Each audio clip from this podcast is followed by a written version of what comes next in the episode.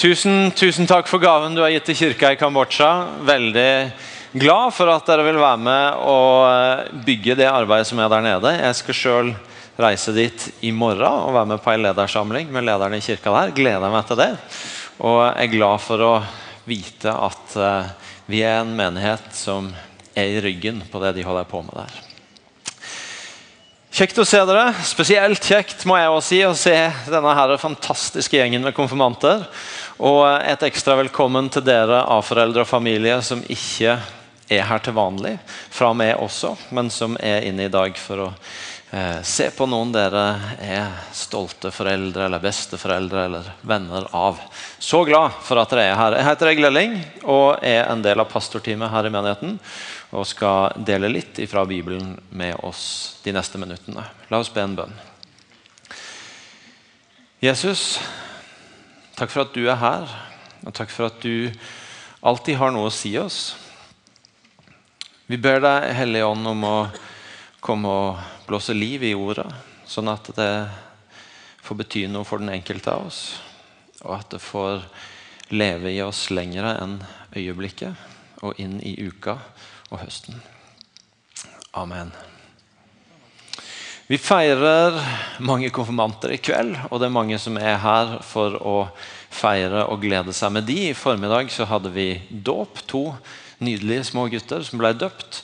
Og det var mange festkledde mennesker som var her og feira da òg. Dåp for oss i IMI det, det handler veldig mye om at utgangspunktet for vår tro ikke er oss, ikke er noe vi har gjort, ikke er noe vi har trodd. Men det er Gud, og det han gjør. Og det at han begynte med å oppsøke oss, begynte med å komme oss i møte før vi kunne gjøre noe som helst å være for han, som er startpunktet for hele vår reise, hele vårt liv, hele vår tro sammen med han. Eh, og Det er verdt å feire, og det feirer vi i formiddag. Og det feirer vi også når konfirmasjonen blir et sånn neste steg på den reisen i å leve i det Gud ga oss når vi blei døpt. Og Det er naturlig for oss å glede oss når noen rundt oss noen vi er glad i, opplever noe som er bra, noe som er godt, noe som vi gleder oss over og ser at gjør de godt. Et par glimt fra meg sjøl de siste ukene. For noen uker siden så hadde vi Åpen himmel sommerfestival. Og eh, Den, den sommerleir IMI arrangerer, og mange andre er med på nede i Grimstad. Og eh, En av dagene så kom eh, pappaen min og besøkte oss. Han er blitt 83 år nå. Eh, og alderen hans begynner å sette sitt preg på han. En god del ting han ikke husker lenger, en god del ord han ikke finner lenger. Som gjør at det er litt sånn begrensa hva han får til å delta i og uttrykke seg på. Men han kom over sammen med mamma en formiddag, og vi spiste litt is og drakk litt kaffe sammen. Og så når de skulle gå, så kom det noen ungdommer, noen joinere, som hadde godhetsknuter. Eh, det er jo veldig bra. Eh, et godt alternativ til russeknuter, kanskje. eh, og, og, Med det som utgangspunkt så kommer de bort til min pappa, 83 år, litt sånn lettere forfjamsa. Så møter jeg en tenåring som spør kan jeg få gi deg en klem.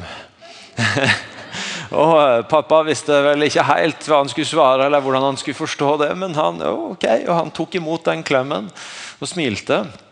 Og Så snur han seg mot meg etterpå og sier han, du vet alltid når jeg er sammen med så finner han ikke helt ordet, men, men de der, dere, og så er det Imi, det, det, er på en måte oss. det Når han enten kommer her eller har vært borte der før, så er det noen som kommer og på et eller annet vis hilser på meg, tar på meg, er god med meg. Og du vet, jeg, jeg, Det har skjedd noe med meg, så jeg klarer ikke å vite om jeg kjenner de eller ikke lenger. Men, men, men det er alltid så godt å oppleve det. Og det gjør jo ganske mye med en sønn. da, Å se sin pappa, som er ganske begrensa, bare møte noe som hele hans ansikt og det han uttrykker, viser takknemlighet. At dette var godt. Og så I andre enden av skalaen litt tidligere denne uka, så Frida, ene dattera mi på seks, begynte på skolen. Første skoledag. Det er et stort øyeblikk både for store og små. Og... Eh, hun kom, eh, kom, og møtte opp på skolen, og noe av det første som møter henne, er rektor. Rektor på KF-skolen, Sven Bjarte, som eh, gjør et sånn egentlig kjempeenkelt poeng, men som allikevel berører han far når han først tar opp en 200-lapp og, eh, og, lar de få se litt på den og fundere litt på hva det er og hva det betyr. Og så, eh, og så sier han noe om at dere er mer verdt enn alle pengene i hele verden. Du er mer verdt enn alle pengene i hele verden. Og minst like viktig, de som står ved sida av deg, er mer verdt enn alle pengene i hele verden. Og så er det en enkel ting, men for en fantastisk måte å begynne en skolereise på. Hvor det er masse forskjellig en skal møte, og det kommer til å være noen utfordringer òg. Og så er bare plattformen lagt at de har fått høre du er så verdifull. Og det gjør godt for, eh, for eh, også for, for, tror jeg, for ei lita jente å høre, og for en pappa å stå og se at det er det å få gå inn i skoleåret med. Vi var et par fedre som sto litt sånn blanke i øya ute på parkeringsplassen etterpå og, eh, og tok det inn. Jeg tulla i formiddag under dåpen med at det var som om når jeg ble far, så var det som om noen skrudde på en bryter i meg, så plutselig begynte jeg å bli rørt. Eh, og litt sånn at det lett kom tårer. Og nå er jeg par til tre, så nå har jeg begynt å bli rørt av andre fedre som blir rørt. Så, så så I formiddag så sto jeg og så på ene faren som bare hadde et barn der under velsignelsen. Han sto og grein. og Jeg var ikke spesielt rørt av egentlig barnet, men jeg sto og grein litt pga. han. så, så, sånn er det nå, da. Men vi syns det, vi, vi, det gjør godt. Vi syns det er godt å se at folk som vi er glad i, folk som er rundt oss, opplever noe godt. Og så er spørsmålet hvordan er det for deg når det er du sjøl som skal motta kjærlighet? Hvordan er det for deg når det er du sjøl som skal møte det at noen uttrykker Guds kjærlighet eller sin kjærlighet i møte med deg? Det er en jeg kjenner som har sagt at hvis du skal bli trygg rundt Gud, så må du være trygg på kjærlighet. 1. Johannes 4, 16 sier at Gud er kjærlighet, og den som blir i kjærligheten, blir i Gud, og Gud i Han. Gud er kjærlighet. Så hvis du skal være trygg rundt Gud, så er du nødt til å være trygg på kjærlighet. Og Det kan høres lett ut, men det er egentlig en ganske stor greie for oss alle. Tidligere denne uka så hørte jeg en god venn av meg fortelle sin historie, hvor et av de brennende punktene i historien hans var jeg er verdt å bli elska. Jeg er verdt å bli elska. Og så var det en nydelig historie om hvordan det som i utgangspunktet var, var noe ganske vondt, den kampen rundt kan, kan, det være verdt at noen skulle være glad i meg? Blir til at Gud handler inn i det og møter han med sin kjærlighet og gir han en helt ny forståelse av hvem han sjøl er. Eh, og, en, en, sånn dyp dyp visshet om at han er elska og han er verdifull. Er verdt å bli elska. For min del så har på mange måter så kom jeg reisen med Guds kjærlighet fra, fra helt motsatt vinkel. Jeg har egentlig aldri syntes det har vært så veldig vanskelig å tro at Gud elsker meg.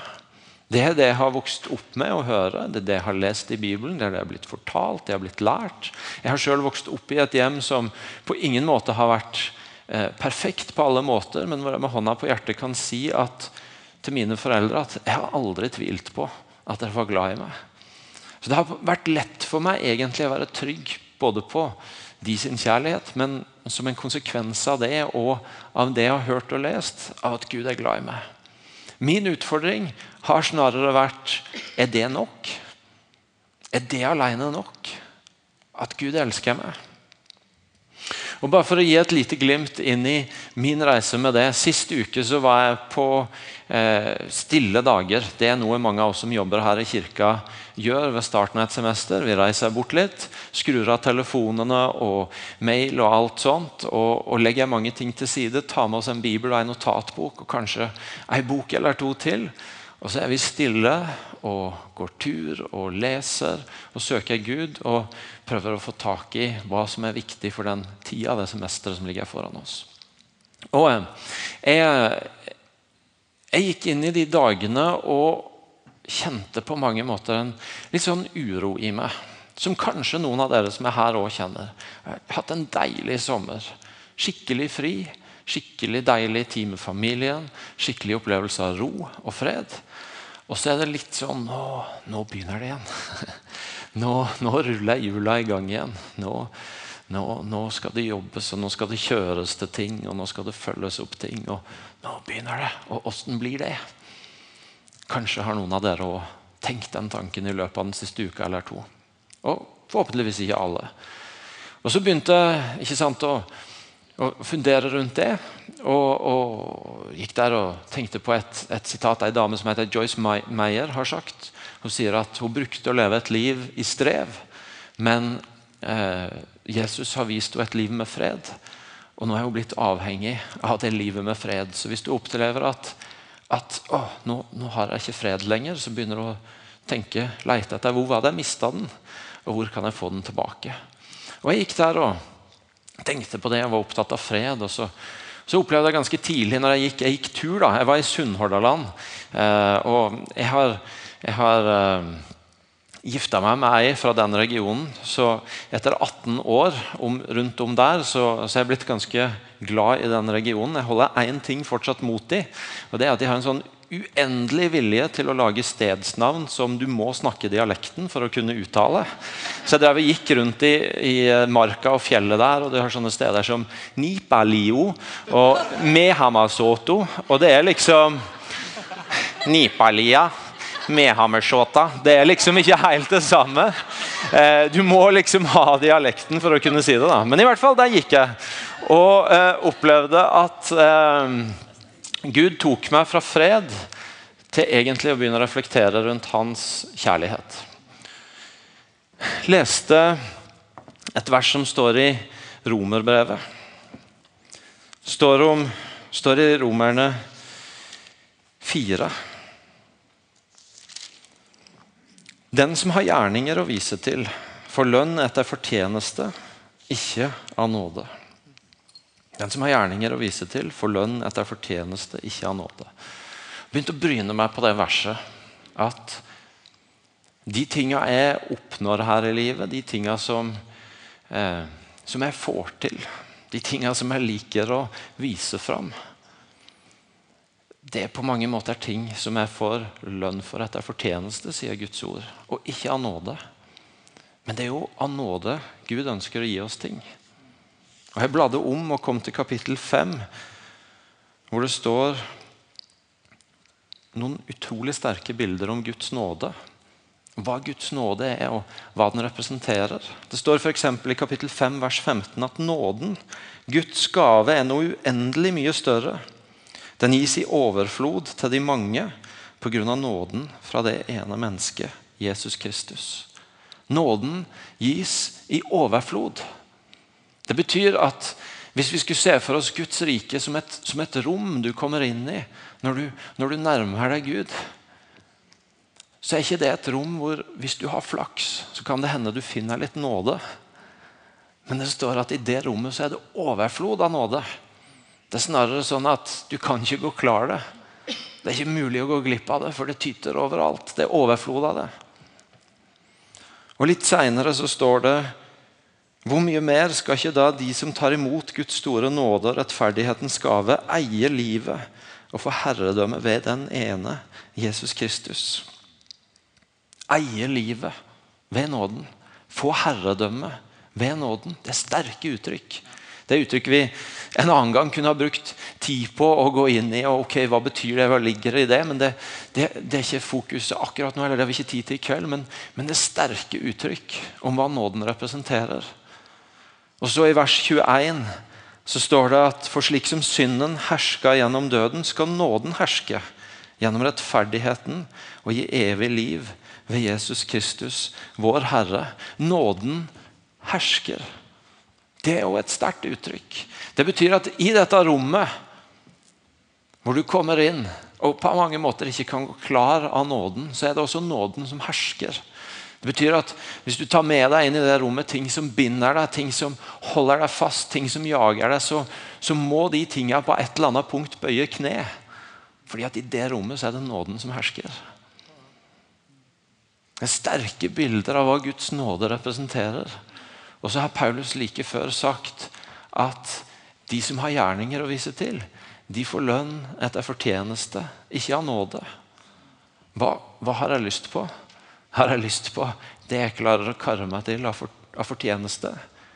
Eller har jeg lyst på den nåden som Gud gir, og som det er overflod av, og som en eier livet med, og som hersker?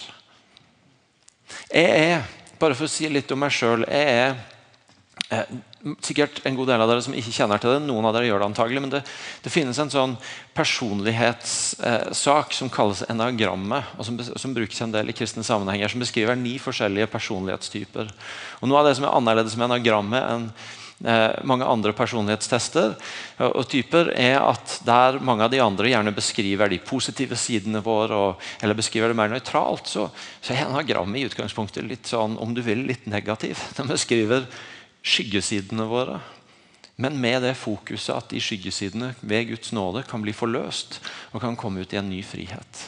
I enagrammet så er jeg en treer. En treeren det er de som eh, liker suksess. Som liker å lykkes, som har ambisjoner, som er drevne og som liker å få ting til. Og som er de som er mest opptatt av hvordan de framstår utad. Som liker at folk rundt dem ser at de får det til ser at ting er bra. Som Treerne er de som kan stå i fare for å lure både seg sjøl og verden rundt. Ikke fordi at en bevisst ljuger, men fordi at en velger å stille ut de tinga som ser bra ut. Fordi en er så opptatt av hvordan andre oppfatter den. Og treerne er de som til syvende og sist syns det er vanskeligst å tro at det alene å være elska uten å ha gjort noe for det, er mulig. Og Så gikk jeg der oppe i heiene over Stord. Så gikk det opp for meg igjen at min utfordring er ikke om jeg tror at jeg elsker eller ikke, men om jeg klarer å leve i at det alene er godt nok. Det er noe i meg som tenker at det er bra å være elska av Gud. Og så er det enda bedre hvis jeg kan toppe det med litt av mitt eget i tillegg. Da må det jo bli veldig bra. Og Da er du egentlig rett inne i syndefallet. Og det som skjer når Adam og Eva har alt det Gud kan gi dem, og så lurer de allikevel på om det fins noe bedre enn å være sønn og datter av Gud. Og Det finnes ingen større identitet, det finnes ingen bedre plass å leve fra enn å leve i den tryggheten som finnes i at en er elska av Gud. En er hans sønn, hans datter. Og mens min kamerat måtte kjempe med hva han verdt å elske, så er noe av min kamp er det godt nok. Finnes det noe bedre? Eller kan jeg finne hvile i at det at han elsker meg alene, er godt nok? Og Antagelig så sitter det folk i dette rommet som har andre måter enn kjempe med Guds kjærlighet på. Kanskje stolte du på den en gang, men opplevde et brudd, et svik, et eller annet som gjorde at Kan jeg stole på det der igjen? Kanskje hører du orda om nåden som konsept og syns at det er fint og det er bra. Men jeg har med meg noe jeg skammer meg så over. At jeg klarer ikke å la den nåden få plass i det som er min historie.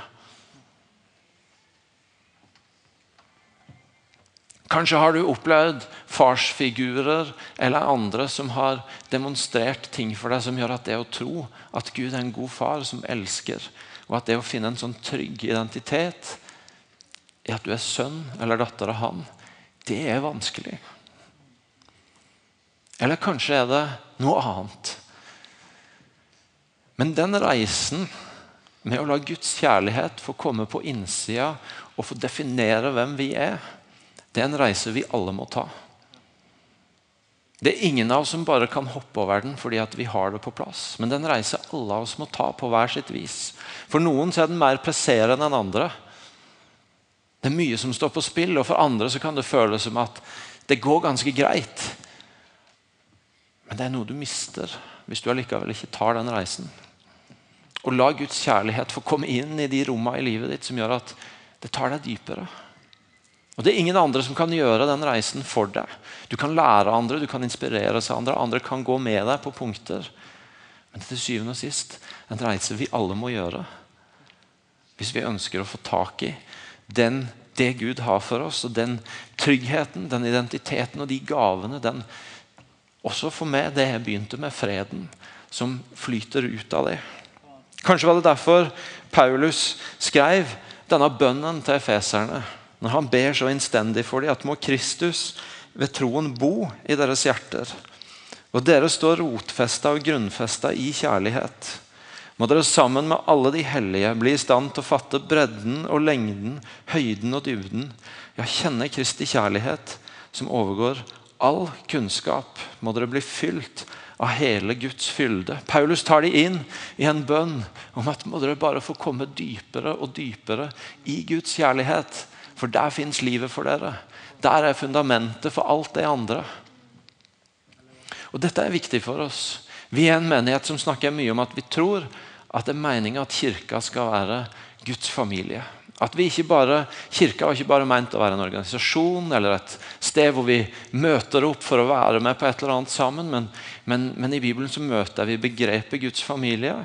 Gud er omtalt som far, vi er omtalt som søsken. Vi tror at det er et bilde Gud gir oss på det fellesskapet vi skal få være.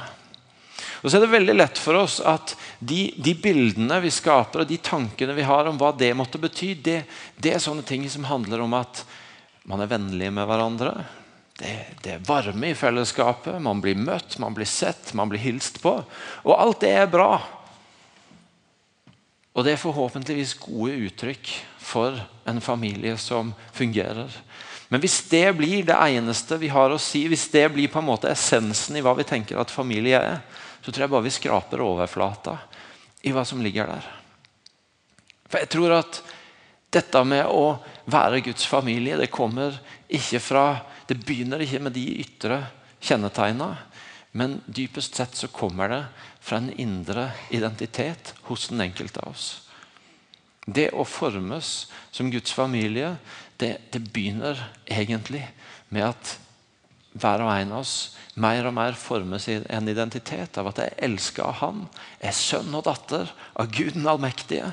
Og Det er utgangspunktet for livet mitt og for hvordan jeg møter både det som er omstendighetene mine, og det som er fellesskapet mitt og det som er verden rundt meg. For når jeg og du lander dypere og dypere i en forståelse av at jeg er elska betingelsesløst uten å ha fortjent det, og inn i de rommene jeg syns det er vanskelig å slippe kjærligheten til, så gjør det noe med først hvordan jeg ser meg sjøl, selv, selvfølgelig. Men i neste omgang hvordan jeg ser de tinga jeg møter i livet mitt. Det er forskjell på å møte et problem med en usikkerhet på hva jeg er verdt, hvem jeg er, hvor jeg står i forhold til Gud og andre. Eller å møte dem med en trygghet på at uansett hva som møter meg, så er, så er jeg hans sønn. Og Jeg elsker han, og det er fundamentet for livet mitt. Og, og Paulus sier et annet sted at alt makter deg, han som gjør meg sterk. Men Det er forskjell på å se folk rundt deg som er, som er annerledes og som utfordrer, og som i utgangspunktet en ikke alltid helt forstår. Hvis en bare har en sånn grunnleggende forståelse av at jeg er trygg, jeg vet hvem jeg er, jeg elsker han. Og Så er det kanskje ikke så farlig at de rundt ikke er helt like. At de noen ganger er flinkere enn oss på ting, og andre ganger velger å gjøre ting annerledes. Noe av det jeg er så takknemlig for med denne menigheten, som jeg får være en del av, det er at det er så mye forskjellige folk her. Som tenker forskjellige ting, sier forskjellige ting, ser forskjellig ut, driver med forskjellige ting. Mange ganger så står det folk her oppe som sier ting på måter og jeg tenker at det var ikke sånn jeg ville sagt det. Men hvis jeg er trygg på hvem jeg er, så er det faktisk ikke så farlig at de er annerledes. Da utfyller de meg, da kompletterer de meg. Da er de en berikende del av fellesskapet og ikke en trussel. Og Denne høsten så skal vi snakke ganske mye i IMI om det å dele tro med, med andre som ennå ikke tror på Jesus. Vi tror at det er tid for å frimodiggjøre hverandre på det å tørre å snakke om tro. Vi lever i en tid hvor, hvor det er litt sånn umerkelig så er det lett for oss å bli stadig litt tausere rundt det å snakke om tro og det vi tror på. sto en eh, veldig talende kronikk i Vårt Land forrige uke, hvor det var ei som skrev om hvordan språket vårt sånn gradvis sklir litt. Og Der vi før kanskje var vant til å si 'jeg ber for deg', så sier vi mye heller nå 'jeg tenker på det'. Eller der vi før kanskje sa 'Gud velsigne deg', så sier vi kanskje nå mye lettere 'lykke til'. Jeg håper det går bra. Og så er det bare små eksempler på at vi, vi, vi, vi presses litt på frimodighet. Og vi, tror at det er en høst for å ta den praten på hvordan kan vi bli tryggere på å snakke om det vi tror på. Men også der så ser det så annerledes ut hvis det strømmer ut av en trygghet i hvem jeg er, og at jeg elsker Han. Da snakker vi ikke primært om å vinne andre for Jesus, men vi snakker om å elske dem tilbake til Han som har skapt dem. Vi, vi ser folk, vi møter folk med et helt annet fundament.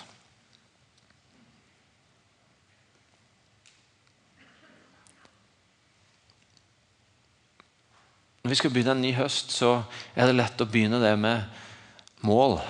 Tanker om hva skal, hva skal vi få til i høst? Hva, hva, skal vi sette fokus på i høst? For, for, for, for jobben, for familien, for kanskje tjenesten her, for, andre ting. Og, og, og, og, det er bra. Jeg liker mål. Det har dere allerede hørt av personligheten min. For hvis jeg kan oppnå dem, så er det lykkes. Så det er veldig bra.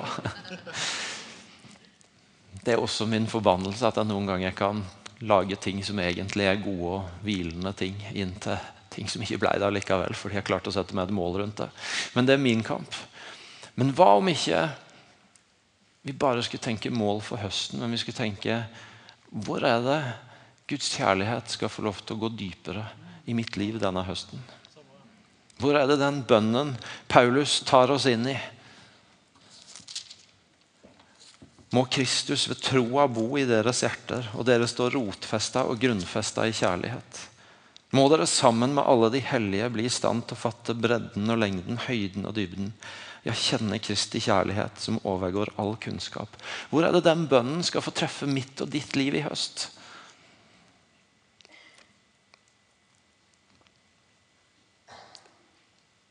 Er det rom som ikke har fått lov til å bli berørt av den?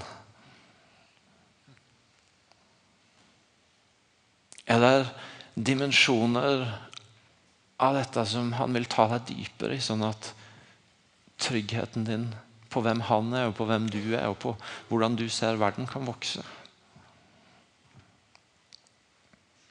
For noen så begynner det kanskje ikke engang med å invitere Guds kjærlighet inn, men med å få øye på hva det er som er utfordringa. Hvor det er skoen trykker, hvor det er, hvor det er et rom som har vært lukt. For noen så handler det om å våge å åpne opp noe en vet er der. For andre så handler det om å stille åpent og bare Gud, jeg, jeg vil gjerne gå dypere. I den vissheten om at jeg elsker du.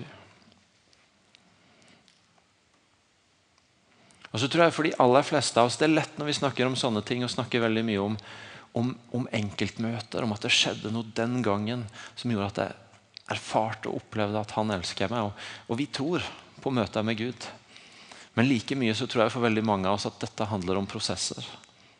Prosesser hvor han gir oss, gir oss ord, gir oss, gir oss bibelvers, gir oss sangtekster, gir oss bønner, gir oss input fra noen andre.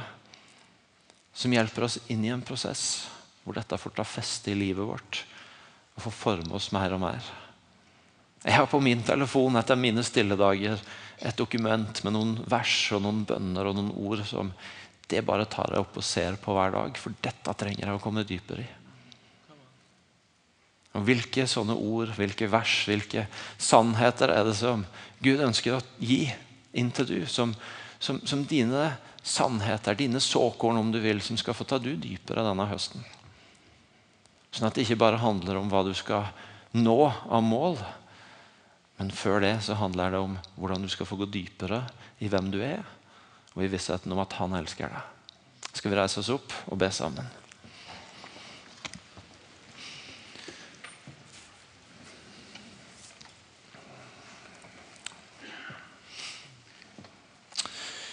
Gode far, takk for at du sendte Jesus med din nåde. En nåde som er det overflodet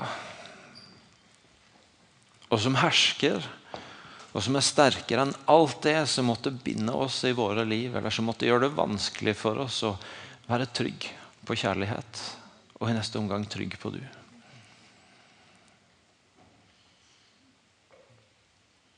Jeg har lyst til å be deg om at dette skal være en høst for oss alle, hvor du tar oss dypere inn i vissheten om at mer enn noe annet så er jeg en sønn, en datter, elska av Han som har skapt meg.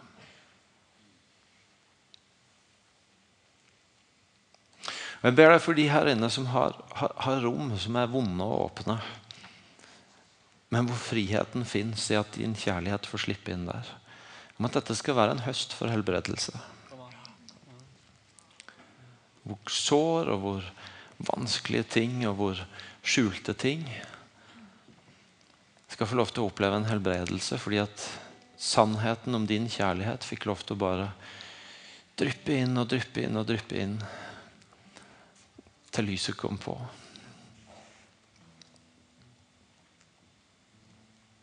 Jeg ber deg for de her inne som vet at det er et eller annet som, som gnager, og som bare ikke helt er der. Men jeg har ikke helt språk for sjøl hva det er. Jeg vet ikke helt hva det går i, men, men det er meget mulig at det har noe med å bli tatt inn enda en gang i at de er elska. Eller for første gang. Hvis det er det. Da ber jeg deg om Helligånd om at du, du, skal komme og åpne opp og veilede og, og vise veien. Dit hvor vi sjøl ikke finner veien.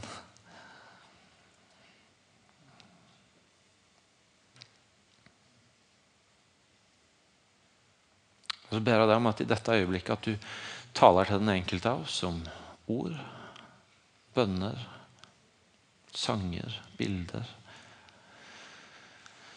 Som skal få være våre sannheter og holde fast i denne høsten. Skrive ned et sted. Holde oppe. Snakke ut. Be fast. Forbli vår vei inn i en dypere forståelse av at vi er elska av du.